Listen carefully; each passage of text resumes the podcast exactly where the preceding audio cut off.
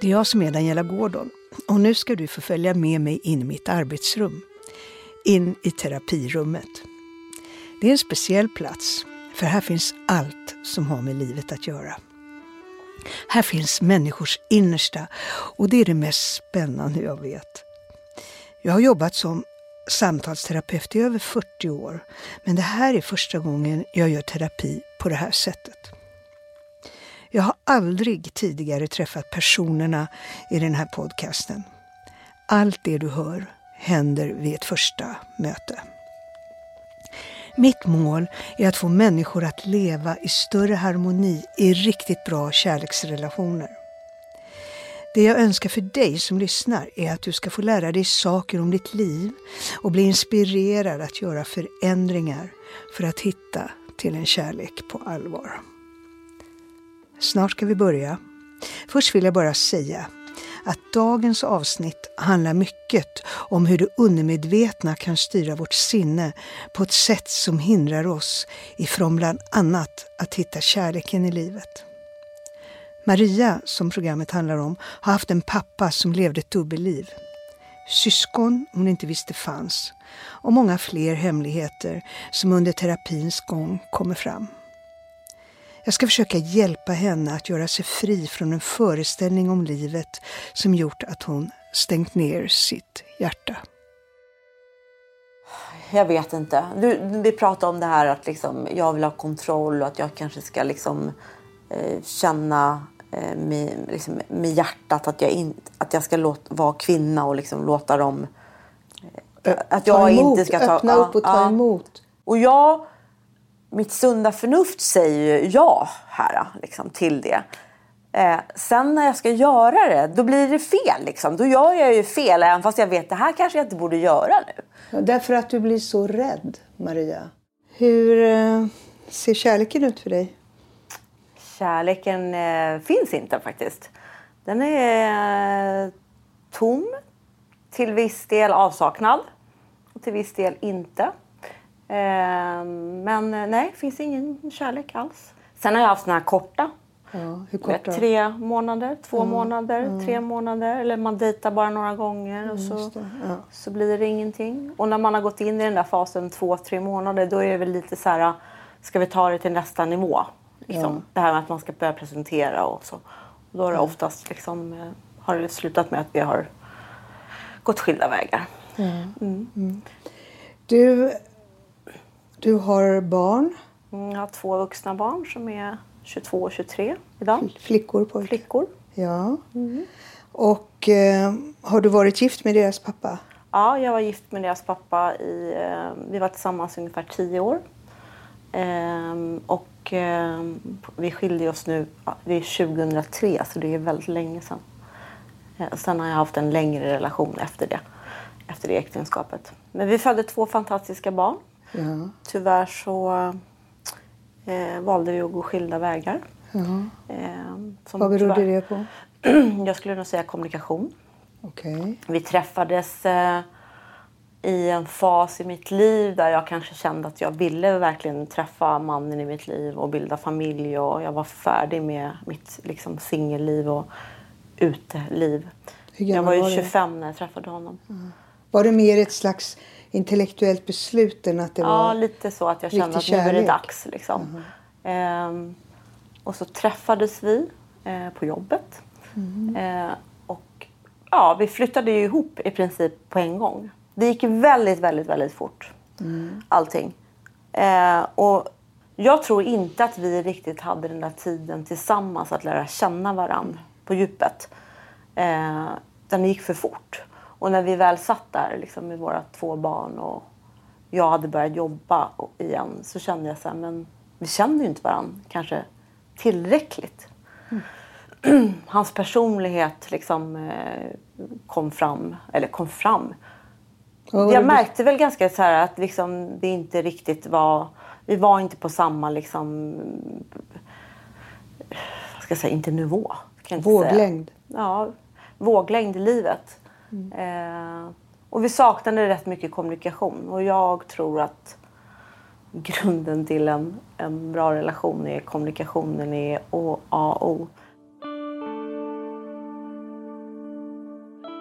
Så efter tio år var det Maria som valde att bryta upp från barnens pappa. Det var jobbigt och sorgligt, säger hon, eftersom han ville att de skulle fortsätta tillsammans. Men åren gick och han träffade snabbt en ny, berättar Maria. Döttrarna ville tidigt bara bo hemma hos henne och bara träffa sin pappa då och då. Och så blev det. Vilket har inneburit ett liv som ensamstående mamma för Maria. Relationen till barnens pappa beskriver Maria som bra idag, även om de inte hörs så mycket längre eftersom barnen är så pass stora nu. Så um, Maria, jag är intresserad av din relationshistoria. Hur, hur har den varit?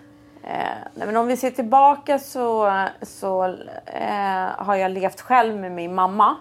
Eh, min pappa lämnade min mamma när hon väntade mig. Mm. och min mamma var väldigt ung när hon fick mig. Hon fyller 70 nu och jag är 51. Så att hon... 19 år? Hon, ja, hade ju precis fyllt 19. Mm. Så att vi, det var ju ganska tufft för oss för att han valde att lämna min mamma eh, och eh, hon arbetade heltid. Men min pappa han, han hjälpte inte till med bidrag eller så för min mamma så hon var tvungen att fortsätta jobba. Så min mormor tog hand om mig väldigt mycket när jag var liten. Mm. Eh, och, eh, så vi var ju supertajta jag och min, min mormor eh, under alla de här småbarnsåren. Eh, hon bodde väldigt mycket hos mig. Eller oss, hos oss. Med Morfar mamma. också? Nej, eh, morfar fanns inte eh, då. Han var död? Ja. Min släkt är, eh, är ganska obefintlig ska jag säga. Jag har mm. inte så många släktingar. Mm. Eh, och din pappa, hade du någon relation till honom? Fanns han där? Eh, vi sätt? träffades första gången jag levde ju själv med min mamma och min mamma hade försökt att prata med mig och min pappa vid ett flertal tillfällen men jag var inte så intresserad av att lyssna. Eh, men när jag var 20 år och vi bodde tillsammans, jag och min mamma, så bestämde jag mig en dag för att fråga ut min mamma vem han var. Och då var min mammas väninna hemma hos oss, som jag också känner väldigt väl. Och då sa jag så här, men du, vem är min pappa? Jo, men han heter... Eh, hade du inte träffat honom Nej, då? jag hade inte träffat honom någon gång. Oj. Men jag var ganska tuff sådär så jag bestämde mig för att ringa honom och då på den tiden så hade vi telefonkataloger. Så mm. jag slog upp hans namn och telefonnummer och hittade honom och ringde och det var någon kvinna som svarade och så sa jag hej jag söker Um, och det, jag tyckte väl kanske att det tog tio minuter innan han kom till luren men det gjorde det inte. Och då sa han så här, ja, hej det är, ja, hej där är din dotter säger jag, så jag. Som du har struntat mer eller mindre i 20 år, hur känns det? sa jag. Och min mamma stod eh, på någon meters avstånd och bara tittade på mig och bara Gud, vad är det du säger? Så det var tufft sagt. Sen så pratade vi lite och vi bestämde oss för att ses. Så jag bestämde mig för att jag skulle gå dit själv och träffa min pappa på den här restaurangen. Men i sista sekunden så frågade jag om mamma kunde följa med. Mm. Och det gjorde hon. Och jag satt nog mest och iakttog honom bara under hela middagen. Min mamma var väldigt besviken på honom. Men för att min skull så liksom valde hon att inte skälla ut honom eller visa sin liksom, eh, ilska eller sin besvikelse över han, vad han hade gjort mot henne. Hade eller hon inte heller träffat honom på 20 år? Nej. Min mamma träffade nämligen en ny man när jag var relativt liten så att han blev som min pappa. Mm. Och de levde ihop väldigt länge och jag, jag tror att jag liksom jag, jag förstod nog inte. Alltså när jag var liten förstod jag nog inte. Först mm. jag började liksom och när jag väl kanske förstod så jag tror inte jag liksom reflekterade, funderade så mycket på det egentligen. Mm. Eh, förrän det bara kom över mig någon dag. Så här, jag måste ta reda på vem det här är. Mm. Eh, och jag och pappa inledde ju någon sorts relation men eh, det var väldigt, väldigt, väldigt svårt. Min mamma och jag är extremt lika. Vi gillar att liksom prata och vi kan bjussa på oss själva. Men min pappa han var ganska sådär slak och liksom lite sådär inåtvänd och ganska svårpratad. Så när vi förde, försökte föra diskussioner eller eh, prata, det, det gick inte. Då blir jag liksom lite less till slut. Det är inte bara jag som ska prata, du måste ju komma med någonting mm. själv. Men jag tyckte att det var lite svårt att träffa hans nya familj och sådär. Hade han barn? Nej men eh, ja, eh, han, jag var på en tillställning där eh, hemma hos min pappa. Och helt plötsligt så säger min pappa att eh, här är din bror. Då visade det sig att jag hade en tre år äldre storebror. Oj. Oj. Men han visste vi inte om. Alltså varken jag eller min mamma. Så min pappa hade väl levt någon sorts ja, dubbelliv kan man säga. Mm. Mm. Och min mamma var ju väldigt ung när hon träffade honom och jag var lite så naiv och kär. Du vet, så, här, så hon fattade väl inte bättre. Hon tänkte väl inte på det. Att liksom kanske gå in och göra research som honom. Och det finns kanske inte någon anledning till. Kanske man gör idag. Liksom googlar upp någon kille och, och ser att han vad han för civilstatus innan man går på dejt. Men, men han... Eh, ja, jag hade då en äldre bror som jag fick träffa. Eh, och eh, vi hade ju en relation pappa och jag sådär lite, jag skulle säga såhär, den var ju inte jättebra men det, vi hade väl varandra. Men han försvann lite sådär och så kom han tillbaka. Och, och jag tyckte väl att det var lite jobbigt att han liksom kom och gick. Så jag kunde ju aldrig lita på honom, att han liksom var kvar. Eh, men sen när jag fick barnen och sådär, då sa jag till honom så här, nu, bara, nu, jag är vuxen, jag kan liksom ta det här att du försvinner som gubben i lådan. Men nu är det så att nu har du två barn, barnbarn. Antingen är du liksom morfar eller så är du inte morfar. Du får ta ett val här. Liksom. Mm. För jag orkar inte hålla på och, och förklara för tjejerna liksom, att morfar finns ibland. Han kommer mm. som tomten. Han kommer en gång om året eller så kanske han inte kommer alls eller så mm. kommer han genom skorstenen. Man vet aldrig mm. med honom. Men han, men han, eh, eh, nej, men han skulle vara morfar. Mm. Men det var väl bara någonting han sa tror jag. Okay. Jag tror att han var liksom lite för feg för att säga egentligen. Egentligen så skulle han nog vilja ha sagt att Camilla, ja, jag, jag är din pappa och jag satte dig till jorden men alltså, vi ska nog inte ha någon kontakt vad bra, då kan jag acceptera det och gå vidare. Men han gav ju mig någon sorts så här äh, förhoppning hela tiden mm. om att det här kanske... Så här, och jag hade ju någonstans, när jag träffade barnens pappa, så hade jag ju någonstans sett en bild framför mig, det här, det här familjen, liksom. Mm. hund och liksom hela paketet. För det där hade ju jag saknat också som barn. Mm. Eh, och det ville ju jag ha då. Men så vart det ju inte så. Och så helt plötsligt så hade jag då en morfar. Så jag tänkte liksom, jag måste ju försöka hålla ihop det här. Mm. Men det är inte bara en själv som kan hålla ihop det. Man måste ju liksom få någon som vill hålla med. Liksom. Mm.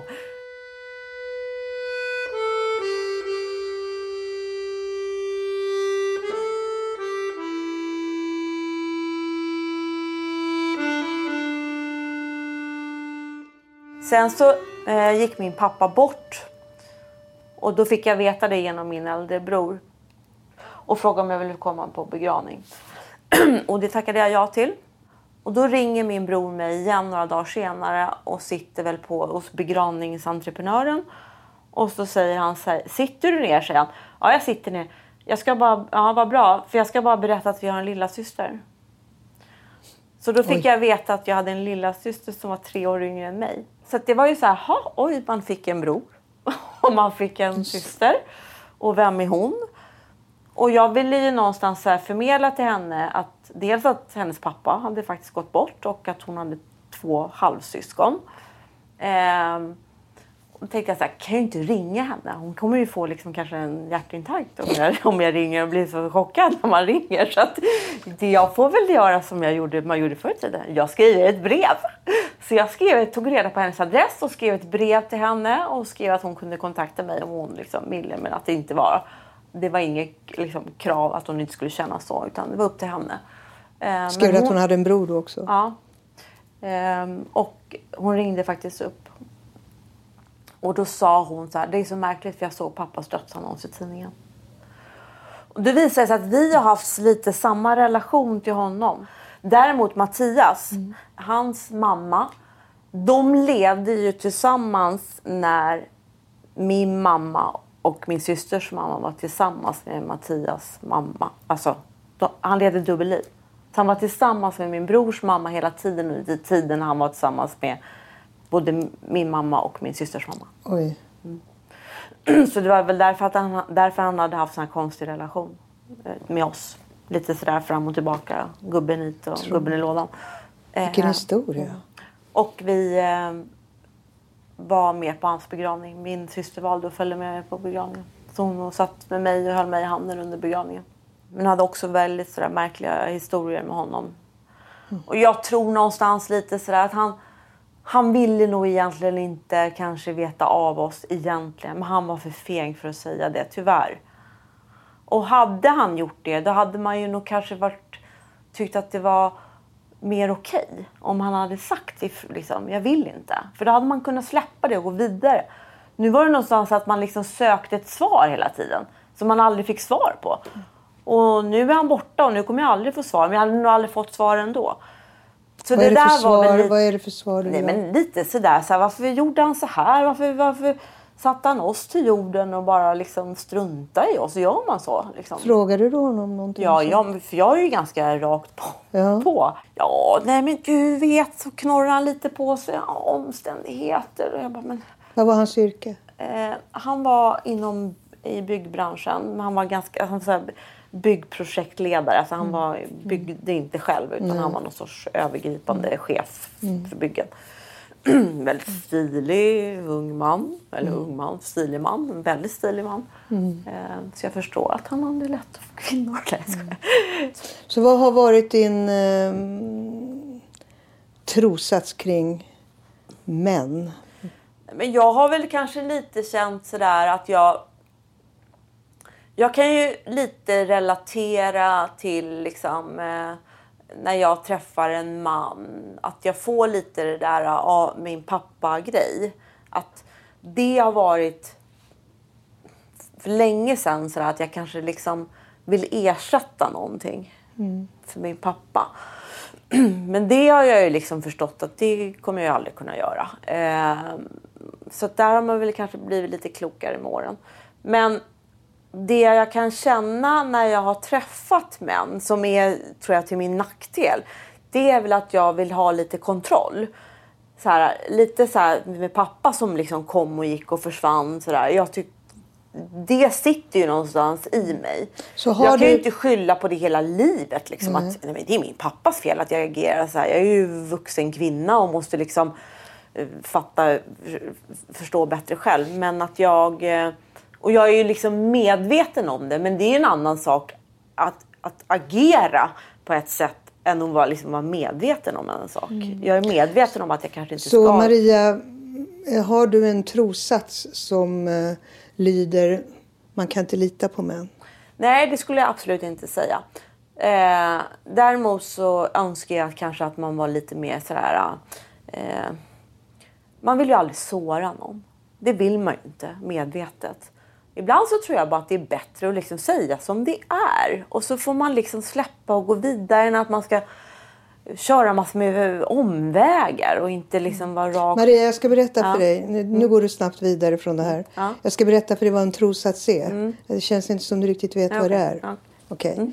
En trossats mm. är en generalisering. Mm. Ett generaliserat tänk som man skaffar sig ofta som barn och som mm. är omedvetet. Mm. Och som ofta, som, inte ofta, som har med omständigheterna att göra. Ja. Är du med? Ja. Och du är oftast inte medveten om det för att du befinner dig inne i trosatsen. Ja. Den är som en låda du befinner dig i. Så att den är omedveten men den styr dig jättemycket mm. omedvetet. Och jag tänker när du berättar det här mm. att ja, pappa kom och gick. Eh, mamma hade en man några år, sen hade hon en ny man några år. Och då tänker jag, kan det vara så att du har en omedveten trossats? Mm. Och den är känslomässig, den är inte alls logisk. Mm. Det är en känsla av att män kan man inte riktigt lita på. Kan det stämma? Ja, det kan, det, det, det kan absolut stämma. Mm. Fast man kanske inte vill tro på det. Eller? Fast, eller? Fast, fast man kanske inte man kanske inte vill tro att det är så. Nej, men... Nej, eller tänka att det ska vara så. Ja, du måste gå mm. djupare Maria. Mm. du är mycket uppe i tankarna mm. märker jag när du pratar. Du pratar mycket och du tänker mycket och det går fort. Mm. Eh, och det är jättefint. Mm. Eh, men nu vill jag gå djupare och jag vill möta dig i ditt hjärta. Problemet med våra begränsade trossatser är att de stöter bort kärleken i ditt liv. För även om du träffar rätt person kommer du omedvetet att sabotera ert möte på ett eller annat sätt om du inte frigjort dig från dina negativa trossatser kring kärlek. Som i Marias fall är hon inte ens medveten om sin trossats, att den undermedvetet påverkar henne och styr hennes tankar och val. Den leder också till ett visst beteende. När du träffar män så vill du gärna ha kontroll. Mm. Det känner du igen? Ja. Du tar kontrollen. Mm. Och varför behöver du ta kontrollen tror du? Nej men det är väl för att jag är osäker och vill veta. Ja. För att du inte riktigt kan lita på. Mm. Eller hur? Mm. Det är den man kan lita på men man inte kontrollerar. Då släpper Nej. man. Ja. Okay. Eh, jag vill höra lite om eh, dina relationer innan du träffade din man. Mm. Hade du några längre relationer då? Eh, nej, inte så. Det var, nej, jag var ju 25 när jag träffade honom. Mm. Men jag, jag, hade, jo, jag hade ju haft några sådär. Men mm. inte jättelånga hade jag inte haft. Mm. Eh, skulle jag inte säga. Och det var ju också ett intellekt intellektuellt beslut sa du att mm. nu är det dags. Ja. Nu ska jag skaffa mig den här familjen jag inte själv har haft, den riktiga familjen. Mm. Och det var mer ett beslut än att du verkligen kände någon, en djup kärlek. Mm. Han passade någonstans kanske, du ska vara honom på jobbet. Mm. Det samma jobb. Ja. Sam, lite liknande bakgrund och samma eh, intressen och så. Mm. Det var ju logiskt. Mm. Eh, men det var just därför, det var någonting med kommunikationen som hade just med det här att göra. Att du inte kom riktigt nära. Mm. Eller hur? Mm. Eh, Okej. Okay. Eh, och sen berättar du att du hade en relation efter skilsmässan mm. som var lite längre. Mm. Berätta om den. Eller längre, den var inte, den var inte jättelång skulle jag inte säga. Men den var under två år. Två år? Ja, mm. men vi hann faktiskt flytta ihop. Ni hann flytta ihop? Ja, ja. Eh, han hade två egna barn och ja. mina barn. Hur var den relationen? Men den var inte så bra. Ehm, faktiskt. Ehm, inte alls som jag hade tänkt mig. Ehm, inte bra för varken mig eller mina barn. Så jag valde att lämna den. Så vad var det som inte var bra? Ehm, det var en eh, person som i mina ögon inte som ville ha väldigt mycket kontroll och ha ett väldigt stort bestämmande eh, eh, över mig och mina barn, eh, vilket jag inte accepterade. Ehm, så att det vart ju... Eh, han var väldigt kontrollerande?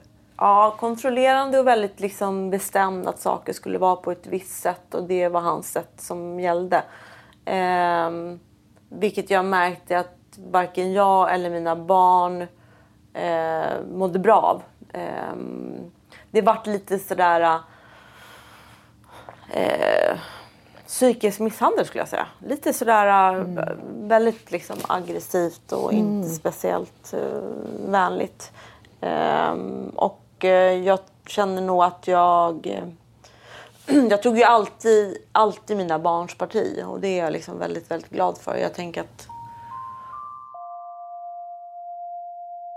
Hej! Anna heter jag och jag är producent för den här podden Kärlek och terapi. Det är jag som har kontakt med alla människor som är med i avsnitten och det är jag som ser till att inspelningen funkar som den ska. Men innan ni fortsätter att lyssna så skulle jag så gärna vilja få tipsa alla er kvinnor som lyssnar om en app. Er män också för den delen. Ni kan tipsa era kvinnliga bekanta. Appen heter GoFriendly. Den är gratis och den ger dig tillgång till Nordens största sociala plattform för kvinnor som vill utforska och utvidga sin sociala scen runt sina intressen. Och på vägen kanske till och med hitta nya vänner. GoFriendly är alltså ett digitalt community för oss kvinnor för att hitta andra kvinnor som delar samma intressen, livserfarenheter och livssituationer. Och jag tror precis som i den här podden, att vi lär oss av varandra när vi delar med oss av våra liv och det vi är med om. Så, om du nyligen blivit singel och känner att alla är i sina parbubblor kan det här vara något för dig. Eller så kanske du har flyttat till en ny stad och behöver nya kontakter. Eller så har du precis börjat älska pelargoner men ingen att dela sticklingar med. För i det här nätverket har du över 120 000 kvinnors erfarenheter och intressen att ta del av. Så oavsett vad du brinner för eller längtar efter kommer GoFriendly communityt kunna leverera. Du kan gå med i en bokklubb, diskutera poddar eller baka ihop. Anledningen till att skaffa nya vänner kan vara många. Därför finns GoFriendly. För i det här nätverket kan du hitta utlopp för alla de delar av din personlighet som du har. Det var det. Nu tillbaka till Daniela. Var du kär i honom? Eh, han var ju... Ja, jag var väldigt kär i honom till en början och han var ju extremt duktig att liksom eh, uppvakta och vara en gentleman och han hjälpte till med alla mina försäkringar och han, vet du, det var liksom, han öste över mig och jag kände mig så otroligt bekräftad. Och det var mm. väl också någonting som jag liksom så här, wow. hade längtat efter. Ja, längtat efter. Mm. För det hade jag ju kanske inte på samma sätt fått från min exman, barnets pappa och inte alls av min pappa. Mm. Så att jag var ju så här, oh, gud, jag var ju så, jag dansade ju på mål. Liksom. Ja. Alla mina väninnor bara, men gud, det är ju helt, du är helt kär. Mm. Jag bara, ja. Och han var ju så snygg och alltså, han hade ju alla rätt. Liksom. Eh, Hur lång tid tog det innan han började?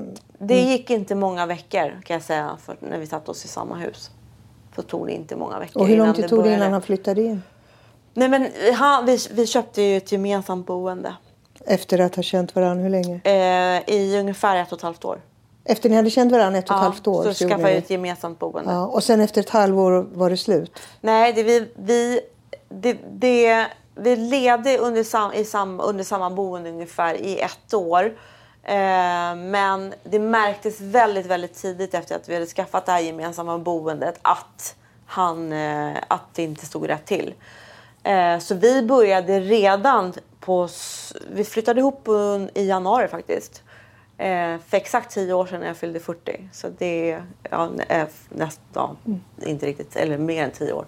Så att det, vi... Eh, ja, ett, efter sommaren, efter ett halvår, så märkte jag så här... Det här var ju inte alls, stod ju inte rätt till. Då gick vi faktiskt lite i terapi. Mm. Eh, och pratade om det här, vilka utmaningar vi hade. Mm. Eh, men eh, det hjälpte inte hela vägen. Sen under hösten så valde jag att lämna honom. Och det här är tio år sedan? Ja. Och efter det har du inte haft en seriös relation? Nej, jag har inte haft en seriös relation. Mm. jag har dejtat mm. en hel del. Mm. Eh, ska jag, säga. jag har nog varit väldigt duktig på att dejta. Jag är så här, ja ja, nej men det gick inte så bra. På't igen har jag känt. Okej, okay. och vad är det som inte går bra? Kan du se ett mönster i de här i din dejtinghistoria? Uh... Vad är det som händer när du dejtar och säger det gick inte bra? Vad är det som händer? Jag har fått en känsla av att eh, jag, ibland så träffar jag kanske män som inte är klara. Eh, riktigt med? sådär eh, med sitt, sitt gamla, sin gamla relation. Att det är för tidigt, att man kommer in för tidigt. Mm. Eh, jag tror att eh, man kan hänga ihop med... Alltså det kan ju absolut gå bra med en sån person också. Liksom. Eh, men jag vet inte, jag kan uppleva att jag själv eh, kanske är lite... Att folk gillar att liksom... Männen gillar att liksom hänga med mig. De tycker att det är kul att hänga med mig. För jag pratar och jag är oftast väldigt glad och jag är positiv. Så vi, ibland kan jag känna så här, men gud vi blev ju liksom kompisar. Lite sådär. Att det där extra, det där du man ska känna det där ah, pirret och den där riktiga liksom, attraktionen. Den, den kommer inte riktigt. Liksom. Hur känner du dig utnyttjad? Alltså vissa män, killar, har jag faktiskt känt så här, ja ah, men det där var ju inte så schysst gjort av dig. Du kunde ju liksom ha klängt ur det där lite tidigare. Vad, är vad skulle man ha kläckt ur sig?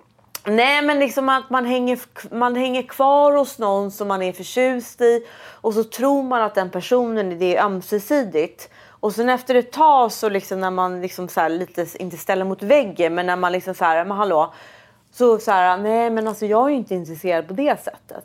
Bara, så men... är din upplevelse att killarna inte, eller männen, inte är seriösa?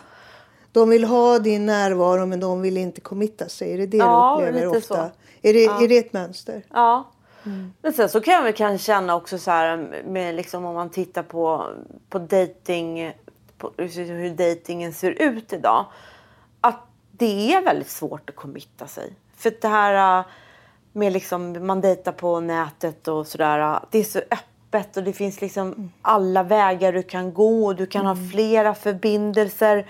samtidigt. Utan, liksom, det, och det är som att det liksom är lite okej. Okay. Ja, och så är det ju. Ja. Och, och, och det vet vi, så mm. är det ju. Ja. Eh, men det är ändå trots allt så, Maria, mm. att i den här världen mm. där folk har svårt att välja och svårt att committa mm. sig så finns det de som hittar kärleken på mm. allvar. Mm.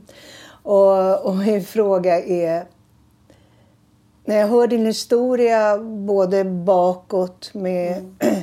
din pappa som överhuvudtaget inte fanns där och totalt frånvarande. Mm.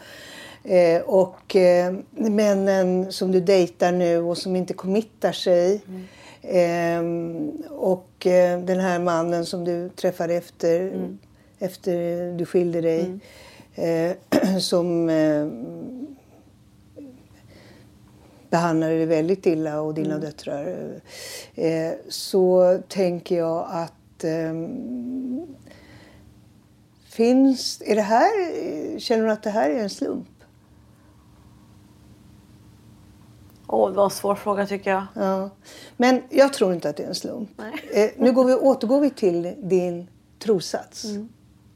Som var, det går inte riktigt att lita på män. Nej. Om du tittar på din historia, är det inte det som du märker har inträffat? Jo, men absolut så kan det vara. Eh, men jag kan också bli lite så här, kan inte lita på män Uh, hur skulle jag uh, ha agerat annorlunda? Ja, det är en bra fråga. Ja, Precis, liksom. måste, vad, är min, hur, vad är min del i det här? Vad är det jag gör som gör att jag attraherar sådana män och mm. att det blir så här, mm. tänker ja, jag. Ja. Och, det, och det tänker du också. Ja, det och det är helt rätt tanke. Mm. Och vad, vad, tror du, när, när, om den där trossatsen finns i dig, Mm. Någonstans. Va? Och det är ju fullständigt logiskt. Alltså, men nej, man kan ju inte riktigt lita på dem. Och det har ju iscensatt hela tiden. Vad gör du då? Hur beter du dig då? Eh, nej men jag kan väl kanske fortfarande känna att jag kan vara lite sådär... Uh, att jag vill veta. Liksom, att jag... Vad vill du veta? Jag kanske är lite osäker. Liksom egentligen. Ja, men vad gör du med, när du är osäker? Vad mm. gör du då? Nej, men då Visar jag... du din osäkerhet eller ja, sätter du på dig en mask? Nej, men kanske genom att jag eh, vill bli bekräftad.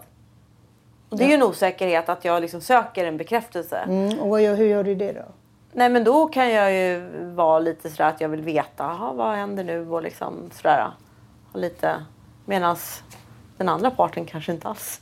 Det behöver inte betyda någonting. Men för mig betyder det ju någonting. Ja, eh. så att du, du, blir, du blir, eh, kan vi kalla det att du blir lite kontrollerande? Ja, kanske. Att du vill veta vad det är som pågår eller vad ja. gör du? Blir, blir du kontrollerande ja. mot mannen? Ja. Hur uttrycker det sig? Nej, men det kan ju vara så här, allting från så här, kommer vi liksom ses igen? Och, mm. Du tar ja, kommandot lite? Ja, lite så här. Styr upp styr, relationen? Ja, jag styr upp för att jag vill ha kontroll. Ja. Okej. Okay. Och... Det är ju inte bra. Va? Det är ju inte så bra tänker jag. Nej, tänker Nej. du nu ja. ja. ja. Och varför är inte det bra då? Nej, men det, då är ju risken att man liksom kan kväva den andra personen. Att Precis. det blir så här, men gud, kan du sakta backa lite här, blir, går för fort. Mm. Jag vet inte vad jag mm. känner. Det behöver inte betyda något negativt. Han, nej. Men... Han hinner kanske inte ens bli kär i dig. Nej. nej. Förstår du vad jag menar? Ja. Eh, för att, eh, att en man ska bli kär i dig, Maria, så är det jätteviktigt att du eh, är har ett öppet hjärta. Mm. För det är där han blir kär. Han blir kär i ditt hjärta. Mm. Och hur blir man, gör man då, då undrar jag? Wait, wait. Ja. Om du hela tiden är uppe i kontroll mm. och ska styra och ställa, då är du uppe i, i huvudet. Mm. Eller, vad ska hända nu? Du, du vill förstå relationen hela tiden. Ja, det här känner du igen. Jag ja. ska, du vill förstå relationen istället för att vara i den. Mm. Du vill definiera den. Du vill definiera vad som ska hända. Du ger inte mannen en chans att bli kär i dig. För kärlek är ju någonting som pågår i varandet. Mm. Det är inte görande. Det är inte vad ska hända sen. Det är inte det där. Nej. Utan kärlek är ett flöde mellan två personer. Mm. Som är som, som kräver att man öppnar sig och att man har lite tillit till den andra. Mm. Och att man visar att man tycker om. Du sitter och ler nu. Mm. Ja. Och eh, min fråga är, hur mycket gör du det där när du träffar någon? Nej, inte så mycket kanske. Nej, nej. Så någonstans så tror jag att du eh, iscensätter det här att jag, jag, kan kalla det för övergivandet mm. lite grann. Mm. Att de släpper dig, de överger dig, de lämnar dig. Eh, därför att det är det som är din historia. Eh, och det har gjort dig tuff. Jag får en känsla när jag pratar om dig och du pratar om din mamma att du har levt i en kvinnovärld. Mm. Med två döttrar. Mm. Eller hur? Mm. Det är väldigt mycket en kvinnovärld. Och det är härligt med starka kvinnor. Men du behöver också, eftersom du är heterosexuell, så vill du också ha det maskulina i ditt liv. Mm. Eller hur? Mm. mm. Och eh, för att attrahera det så behöver du vara i det feminina. Och det är att ta emot. Mottagande, att ta emot mannen. Mm. Och det är du inte bra på. Nej, det är jag väldigt Nej. Det betyder att våga ta emot kärlek. Mm. Men, men du styr hela tiden. Eh, och, och, så länge du inte aktivt bestämmer dig för att nu ska jag vara mottagare, jag ska ta emot kärlek. Och jag, ska, jag ska uttrycka kärlek och jag ska ta emot den. Mm. Och öppna mig för det, för jag är värd det. Mm. Tror du att du är värd kärlek djupast, djupast ja, det, in i dig? Det, det känner jag. Men när du, när du berättar det på det här sättet så blir det så att du har ju så rätt. Liksom. Jag vet ju om, eller vet, inte på det, på det sättet som du beskriver det för du kan ju förmedla det på ett väldigt bra sätt. Mm. Så att jag liksom tar det till mig och säger, jaha, nej men gud, nu förstår jag. Mm. Alltså jag kanske inte har förstått exakt nej, tidigare. Nej. Någonstans har jag ju förstått. Eh, kanske, men eh, inte men, på det sättet. du har varit så mycket i överlevnad. Mm. Och det är inte konstigt. Nej. Som barn har du överlevt utan en pappa. Mm. Eh, som, eh, hela den här trossatsen att man inte kan lita på män. Den har ju du eh, följt som en ledstjärna mm. utan att veta om det. Mm. Eh, och det skapar ju ett beteende av att jag måste klara mig själv. Mm. Jag måste vara stark. Mm. Eh, och du har tagit hand om dina döttrar själv ju. Mm. De valde ju tidigt att bo hos dig. Vilket också är någonstans att de har diskvalificerat sin pappa mm. som vårdnadshavare. Det är faktiskt så. Mm. Då får du ytterligare bekräftelse på mm. men de ballar ur på något sätt. Mm. Eh, så att eh, här sitter du och har varit singel i tio år och, och, och, männen som du då har attraherat de committas inte. Mm. Så... Och de männen som eh, attraheras av mig, de attraheras inte jag. är det också ganska... Eller liksom, ja. Det är ju ofta så. Vad är det för män som attraheras av dig? Det är ju sådana män som jag egentligen borde ha, tror jag. Ja, berätta. Sådana som liksom är klara med sitt gamla, fötterna på jorden, har liksom välordnat runt omkring sig. Det är sådär, det är bara, allting är bara så stabilt. Liksom. Och vad händer med dig när du ser det där stabila? Jag kan tycka att det är lite härligt att det mm. liksom är det här stabila. Eh, men eh, jag, eh, jag... Jag kan också känna lite så här att... Jag vet inte. Du, vi pratade om det här att liksom, jag vill ha kontroll och att jag kanske ska liksom, eh, känna eh, med, liksom, med hjärtat att jag, in, att jag ska låta, vara kvinna och liksom låta dem... Att jag ta emot, inte ska ta, öppna upp och ta ja, emot. Våga ta emot ja. kärlek. Det är det viktigaste. Och att jag ska försöka släppa lite liksom, med min kontroll och det. Och jag, mitt sunda förnuft säger ju ja här liksom, till mm. det. Eh, sen när jag ska göra det, det är då det blir liksom, du jätterädd. Då blir det fel. Liksom. Då gör jag ju fel, även fast jag vet det här kanske jag inte borde göra nu. Ja, därför att du blir så rädd, Maria. Ja. Det är din rädsla ja. som gör att du gör vad istället. Vad gör du istället då? Nej men då, då, då kanske det är så här, nej men jag ska inte höra av mig och så nej, gör jag det ändå. Då, då drar du undan. Ja. undviker och blir rädd och vågar inte. Ja. Så nu, nu handlar det om att eh, våga hoppa mm. på riktigt. Och ja. inte, för nu vet du kanske lite mer mm. om dig själv än du visste innan vi ja, började det här samtalet. Mm. att dina försvarsmekanismer är jättestarka. Mm. Och det är inte konstigt med tanke på mm. din historia. Eh, men det du behöver tänka på eh, är, jag är, alltså den här, den här trossatsen som lyder män kan man inte lita på behöver du byta ut mot en positiv trossats. Hur skulle, hur skulle den vara? Män ska man visst kunna lita på. Ja, den är lite tråkig. Jag, ja, jag tänker så här tråkig. först. Jag är värd. Jag är värd kärlek och jag är värd den finaste relationen. Mm. Jag är värd den finaste relationen och jag är redo för det nu. Mm. Det är viktigt att du Mantra. intalar dig själv. Och jag behöver bara en relation. Och det finns en man där ute. Mm. Som är värd min kärlek och vars kärlek jag är värd. Mm. Du, du ler, du så jätteglad ut när jag säger det här. Ja, men det är fint det du säger. Ja, och, alltså... det, och det är det här hoppfulla mm. som, som du behöver ta till dig. För jag, jag upplever att det finns en cynism i dig när det gäller kärleken och män, eller hur?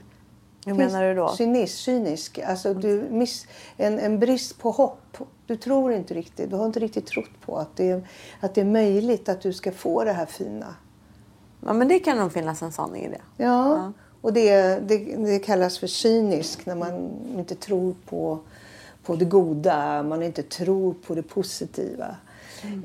Eh, och det behöver, du behöver ändra den kartan mm. eh, helt och hållet. Mm.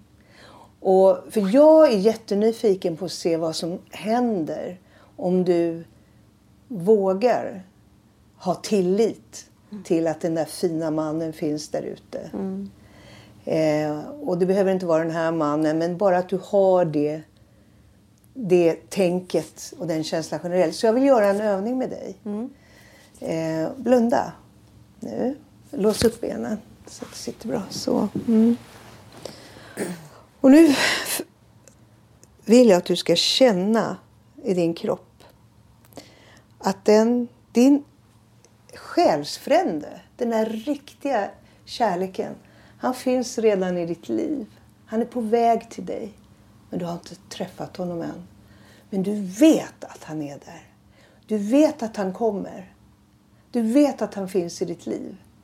Det tar bara en stund innan du träffar honom. Så du tvekar inte på att han finns där.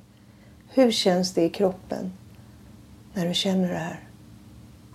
Att du vet att han finns där och han kommer. Känns lite pirrigt skulle jag säga. Pirrigt? Mm. Var någonstans? Ja, liksom. I bröstet? Ja. ja. Känner du något annat än pirr? Lite nervös kanske.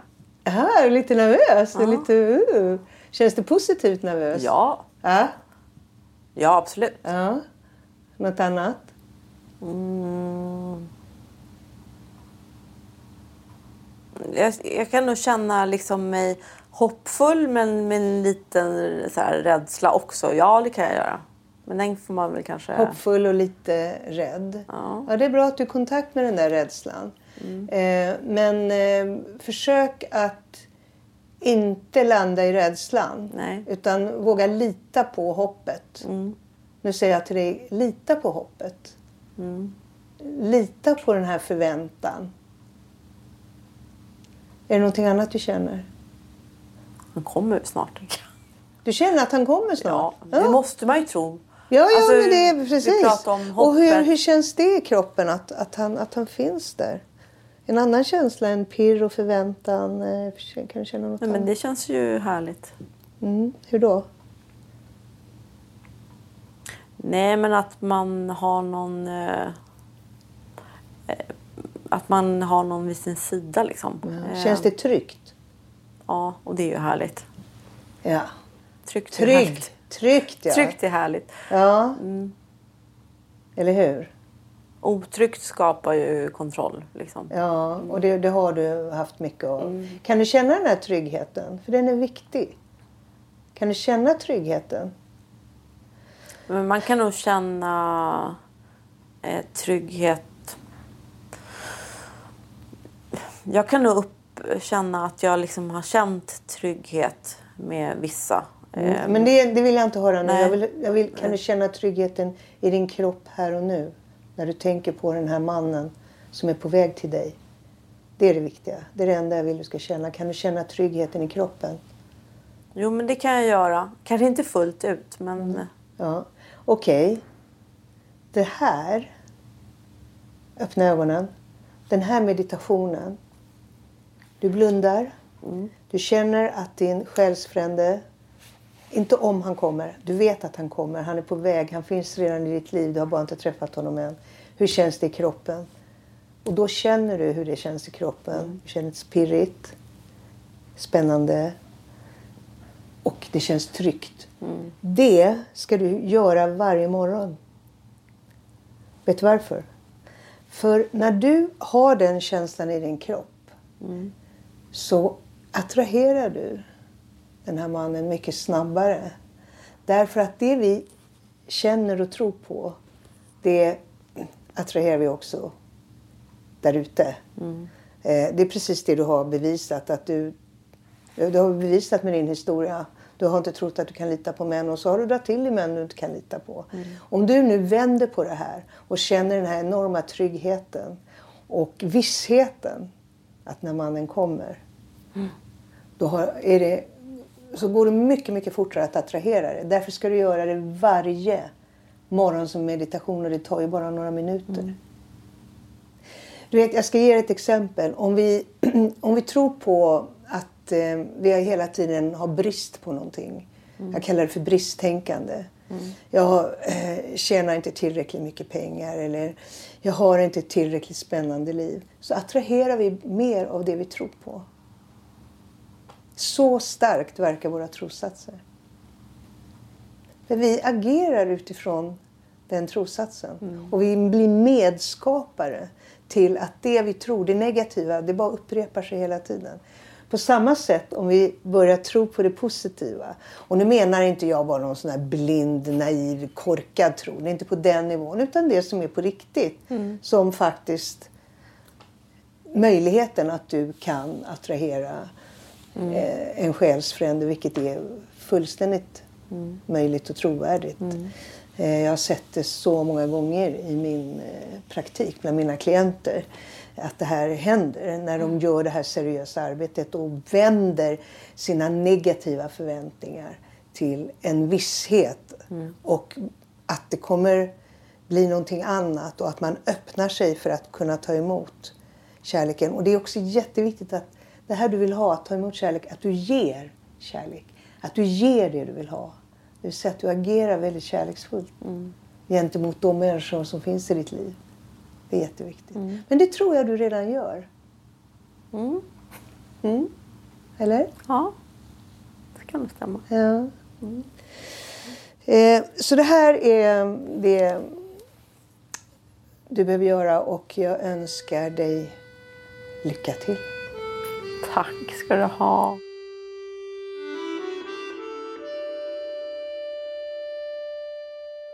Jag som producerat heter Anna Åkerlund.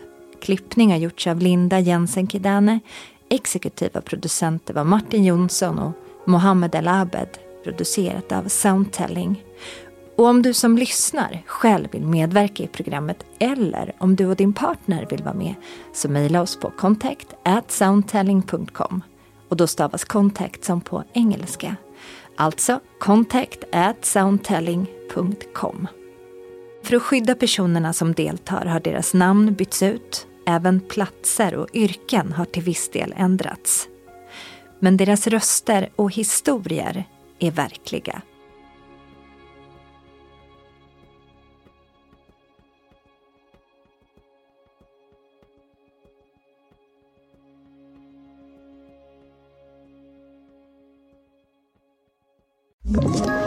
Ett poddtips från Podplay. I podden Något Kaiko garanterar östgötarna Brutti och jag, Davva, dig en stor dos skratt. Där följer jag pladask för köttätandet igen. Man är lite som en jävla vampyr. Man har fått lite blodsmak och då måste man ha mer. Udda spaningar, fängslande anekdoter och en och annan arg rant. Jag måste ha mitt kaffe på morgonen för annars är jag ingen trevlig människa. Då är du ingen trevlig människa, punkt. Något Kaiko, hör du på Podplay. Därför arkadeinerna.